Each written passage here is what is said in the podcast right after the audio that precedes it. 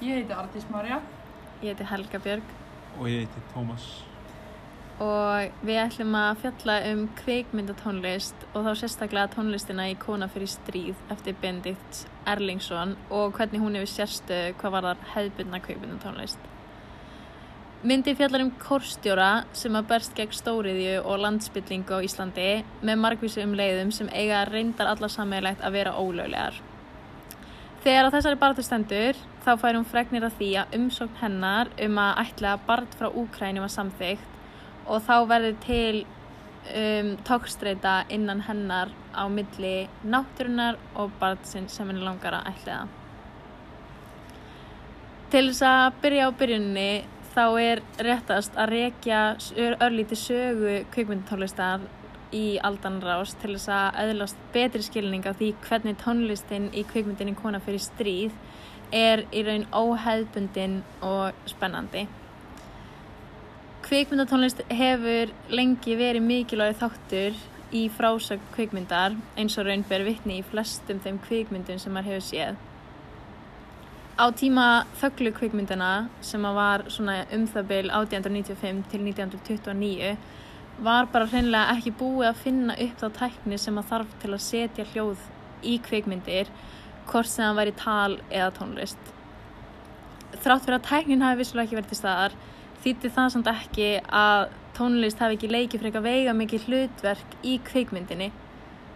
Þá var, hafður svo háttur á að þegar að þögglar myndi voru síndar var lifandi tónlist spilu undir þær þannig að leikarnir voru kannski á bakvið tjaldið og fluttu texta eða jafnvel að áhörfundur sungu með texta á skjánum þannig að það var auglustlega meiri fyrirhöfn að hafa hljóð undir myndanum en það var samt alls ekki ógerlegt sem að undirstrykar náttúrulega fyrst og fremst mikilvægi tónlistar í kvikmyndum. Það var síðan í París árið 1885 sem að fyrsta síning af þessu tægi, þar að segja lifandi tónlist og leikin undir bíómynd, uh, átt sér stað. Í kjölfar þessa voru síðan gerðar alls konar tilraunir með hljóð og tónlist en það var síðan ekki fyrir en undir lók þriðja áratug síðustaldar sem hljóðmyndir komu fyrst fram. Þetta átti stað þegar að kveikmyndarísatnir Warner Bros. og Fox fjárfæsti í ymsum upptökutækjum sem að gera þeim kleift að taka upp hljóð með kveikmynda upptöku. Þannig að kveikmyndin um, og hljóði voru samofinn. Þá eftir þetta var bara hreinlega ekki aftur snúið og tónlistinn og hljóð urðu ómissandi þættir í frásögn kvikmynda eins og við þekkjum í dag. Síðan þá hefur tónlist verið notið til að draga áhörfandan inn í heim kvikmyndana og reyfa við tilfinningu þeirra. Alla jafna er síðan tónlist í kvikmyndum skipt í tvo flokka. Þá er það annars vegar tónlist innan myndheildarinnar og síðan tónlist utan myndheildarinnar. Með tónlist innan myndheildar er mynd að tónlistin eigi sér stað innan söguheimsins og þá er gert ráð fyrir að sögurhetjunar heyri tónlistina þannig að maður raun veit hvaðan tónlistin kemur sem að styrkir raunhæfa mynda atbyrnum sem að er að eiga sér stað. Uh, en getur þú komið með dæmi um þetta? E, já, dæmi um þetta er til dæmis um, þegar að sögur heitjur kannski kveikja útörpunni í myndinni eða svoleiðis þannig að það heyri allir tónlistina. Um, síðan reyndar er tónlist utan myndheldarinnar en það er svo tónlist sem er spiluð yfir senur og personar heyra ekki í henni. Þá er tónlistin í bakgrunin og áhærandin heyrir kannski ekki endilega í henni heldur er hún frekar lúmsk og er líka til þess gerð að vekja upp einhverju tilfinningar hjá áhörfandanum. Um, til dæmis e, er eins og þegar það spilu kannski melankólísk tónlist þegar einhver deyr og svo hamingisum tónlist þegar að sögurhetjan vinnur einhvern persónlegan sigur. Það er reyndar síðan til sko að minnstakosti einn gerð kvikmyndutónlistar í viðbót sem að gleymist ofta er hreinlega bara ránglega flokkuð um, og það er kvikmyndatónlist sem að sést innan myndheldar en hún er samt sem að er ólík flokknum sem ég nefndi hérna tónlist innan myndheldar vegna þess að tónlistin er ekki til þess gerð að skapa raunsæi eins og hinn heldur að gera senu dramatískari og hjálpa við að þróa sögutráðin. Tilgangurinn er í raun svo sami og tónlist utan myndheldar það er að gera þá senuna dramatískari og aftur hjálpa til við að þróa sögutráðin. Tónlistin spilu inn í myndheldinni af leikurunum í myndinni eða tónlistamennum sem er gefið hlutverk. Þannig að allir í söguheiminum heyra og sjá uppruna tónlistarinnar þar að segja þá sem spila tónlistin í myndinni. Um, dæmi um þetta er til dæmis eins og ef sena gerast á klúpi eða bar að þá geti verið eitthvað svona húsband að spila. Þannig að tilgangu tónlistarinnar er þá ekki að gera áhörðundum grein fyrir því að frásögnin gerist á næturklúpi af því að það líkur augum uppi um, heldur hjálpa tónlistin þróun sögunar frekar. Tónlistin þá í þessari gerð af, kukmyndtónlist er spilið af raunverulegum tónlistamennum, ekki leikurum og þeim er gefinn texti í sögunni. Í hvaða flokk myndi þá samt setja tónlistina í kona fyrir stíð? Sko, um, með þessa gerðir kvikmyndatónlistar í huga þá er tónlistin í kona fyrir stríð eiginlega óflokkanleg. Þannig að það að hafa hljómsveitina til dæmis inn í myndheildinni er ekki óvinnilegt. Hins vegar er staðsetning hljómsveitarinnar og það að personur inn í söguheiminum heyra í raun ekki nýja sjá hljómsveitina, það er mjög sérstakt. Um, það sem undirstrykar samt sérstu tónlistarinnar í þessari kvikmynd er að þetta er gert í gegnum nánast alla kvikmyndina en ekki bara í einu atri eins og er kannski frekar uh, hefð fyrir. Þannig ég ljósi þessa að þá brýtur tónlistin uh, þar með í uh, báa við reglur í hefðbundinni tónlistagerð, nei hefðbundinni kvikmyndagerð, hvað var það tónlist? Til þess að kafa dýbra í það hvernig tónlistin í kona fyrir stríð hefur sérstöðu er líka sniðugt að skoða af hverju og hverjum hún samanstendur. Íslandst uh, jazz trio sem samanstendur af þeim Magnúsi Tryggvarsinni Eliasson, einum ástralasta trommuleikara Íslandinga, Ómari Guðjónssoni súsafónleikara og Davíð Þórs Jónssoni píanista, uh, fylgir höllu útmyndina. Þeir eru augljósir áhörfundum en virðast uh, ekki augljósir höllu að öllu að lita til. Hlutverk þeirra í myndinni er að gera það sem kveikmyndatónlist gerir. Skapa stemninguna sem á sér stað í myndinni, eins og við vorum að tala um áðan, að er mjög mikilvægt. Þeir fylgjast með gjörðum höllu og spila undir það sem þeim finnst viðeigandi að hverju sinni. Ef hún stafnir sér í hættu spilaði spennuþungið og þarfram eftir götum. Áhorfandi fær oftar en ekki að sjá þeirra viðbröð við atbyrðu myndarinnar. Þegar Hallan kastar fram á hústækja Hótel Borgar yfirlýsingu fjallkonnunar verða þeir hverstagslegir, verða yfirlýsinguna fyrir sér og byrta hann á samfélagsmiðlum. En hversu óháðir eru tónlistamenninir samt atbyrðar á sinni? Þeir eru einhvern veginn algjörlega óháðir atbyrðar á smyndinar en á sama tíma mjög mikilvægirinni. Uh, og þeir einhvern veginn virka einhverju leiti til eins og leikarar í, í þessu atriði þar sem að þeir taka þessa mynd af þessari yfirlýsingu og byrta hann á samfélagsmiðlum þá verður út frá því eitthvað svona uppþótt og, og þessi yfirlýsing verður einhvern veginn landstækt á, á með tíma uh, og ef að þeir hefðu semst ekki gert það hef, þá, hefðu það þá gerst. Uh, en þeir eru einmitt eins og ég segi mjög mikilvægur en vegna þess að ef þá skildir skorta væri tilfinningaheimurinn að myndarinnar einhvern veginn ekki jafn augljós uh, Það að söguhetjan okkar Halla sé kórstjóri segir áhörfandar strax að hún er mikill listunnandi. Hún syngur með kórnum lög um íslenska náttúru á borðu smávirnir fagrir og önnur velþægt íslensk náttúruljóð sem tjá innlega vendum þykju á náttúru landsins og sínir áhörfandar strax frá byrjun að hún hefur ástæði fyrir því að brjóta niður virkjanir eins og hún gerir í myndinni. Hún er að gera það fyrir skáldin sem sáu fegurðina og innlagnina í náttúrunni til þess að viðhalda því sem skáldin sáu fegurðina í. Hún vil að komandi kynnslóðir fá að njóta þeirra einstöku fegurðar sem Ísland hefur upp á að bjóða.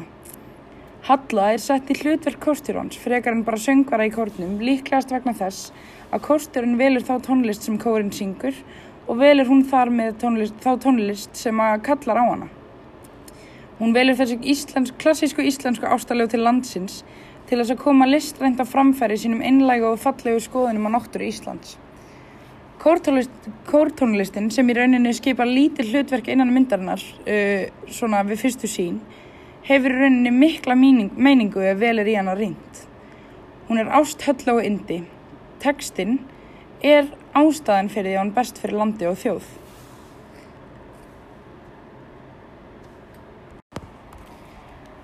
Þegar aðeins er áliðið á myndina bætist í þennan hóp uh, tónlistamanna úkrænst a cappella tríó.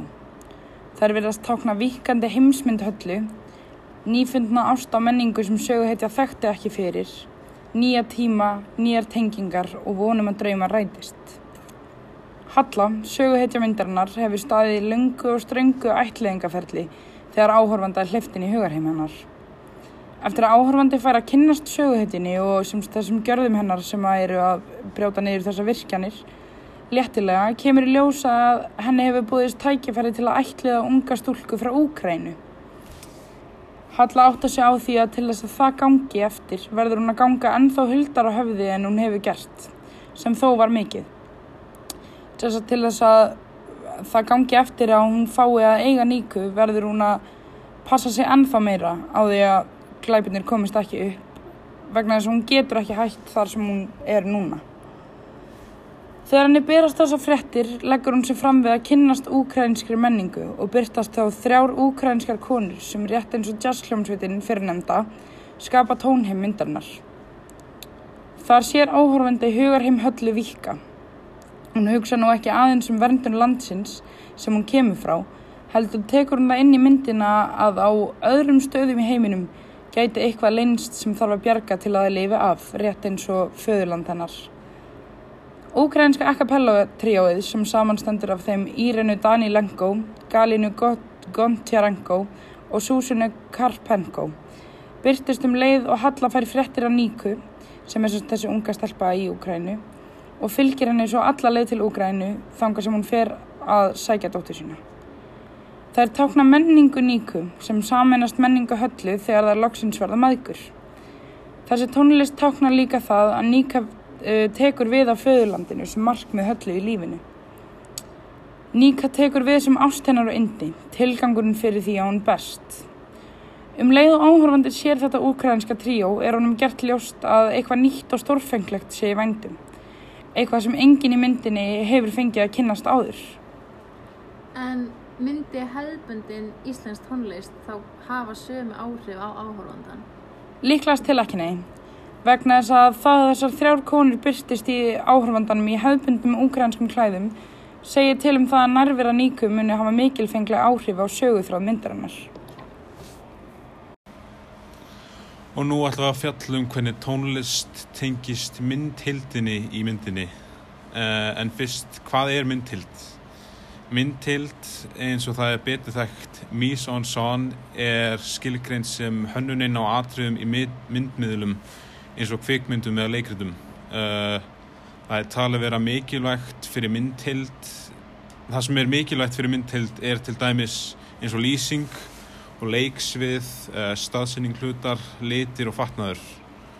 Uh, það er eitt leikstjóri sem mjög þekktu fyrir myndhildina sína og hugsa mikið út í hana og það er uh, bandaríski leikstjórin Wes Anderson. Alla myndinars eru mjög lítríkar og eru gerðar svo, með svo rólsana miklu nákvæmni. Bara hvert skot er fyllt með alls konar litum, allir leikarnir eru staðsettir á svo áhugaverða staði í römmunum og allir og eru alls konar lítil smáatrið sem hann setur í fórgrunn og bakgrunn í senunum sínum. Um, í næstum öllum myndum er tónlistin sem er spilað ekki tengt uh, beint við personar í myndinni og það er ekki algengt í kvikmyndum að tónlistamenn eru staðsettir í atriðinum uh, nema kannski á veitingastöðum eða hannig. Uh, þá var það svona ytri tónlist. En í Kona fyrir stríð finnst mér, finnst mér þetta að vera að tekja á næsta stíg. Í myndin eru tvær hljómsveitir, einu svona ferlega hefbundun uh, hljómsveit og hinn er myndið á þremur ukrainskum söngkonum. Það sem er svo áhugavert við hljómsveitinar er að þær koma sér inni í myndhildina eða þær spila ekki bara tónlist yfir atriðin, heldur eru þær personur í heim uh, sögunar uh, sem elda höllu í gegnum alla myndina og hafa þau áhrif á aðra personur í senunum. Uh, eins og senan með túristan þar sem hann, hann sér uh, hann að hljómsveitina. Uh, mér finnst líka skemmtilegt þegar hljómsveitina stundur nota, eru notaðar í myndhildinni sem hálfgjört grín eins og þegar það byrtast inn í þröngri íbúinu hjá höllu eða ofan á Hotel Borg. Anna áhugavert um tónlistamennina er hvernig þeir brjóta fjóða vekkin í myndinni sem voru að fyrir eitthvað vinsalt í myndum nýla En hvað er eiginlega fjórði múri? Uh, nafnið kemur frá leikritum þar sem það eru bara þrýr veggjar á sviðinu og fjórði veggun er veggurinn á milli áhrifendana og leikarana uh, og þegar það er brotið fjórði veggin því að, að einhver í sögunni er meðvitaður um að, um að þau eru persóna í kvikmyndinu eða leikritinu. Uh, marga myndir hafa notað þetta bara til að láta áhrifendana tengja spiti við personur myndir eins og Ferris Bueller's Day Off eða The Wolf of Wall Street. Uh, tónlistamennir í Kona fyrir stríð brjóta fjóra vekkin bara með því að vera í atriðum og að spila fyrir höllu. Oftast þegar það er spila tónlist í kvikmyndum getur við áhundu bara heyrtlægið sem spilað er og personar í sögunni eru fjallaða frá því. Uh, það er að því að í raunveruleik persona eins og í okkar er ekki spila tónlist sérstaklega fyrir þau. En eins og er í konu fyrir stríð þegar tónlistamennir verða sjálfur að personum og þeir byrta skyndilega hjá henni á óraumverulegan hátt. Að minnur okkur á að við erum að horfa á kvikmynd og tengjur okkur meira á því personar uh, til þess að koma þessu heim og saman þá er tónlistin í konu fyrir stríð nokkuð frábúruðin hefðbundni uh, kvikmyndatónlist er svo má segja. Uh, tónlistin er ljóslefandi bæði vegna þess hversu vel hún er valinn og vegna þess að áhröndin fara að sjá tónlistina mennina með byrjum augum. Okkur þótti myndin skemmtileg og tónlistan var í raun punkturinn fyrir yfir yð og færði hana upp á herra borð. Takk fyrir okkur!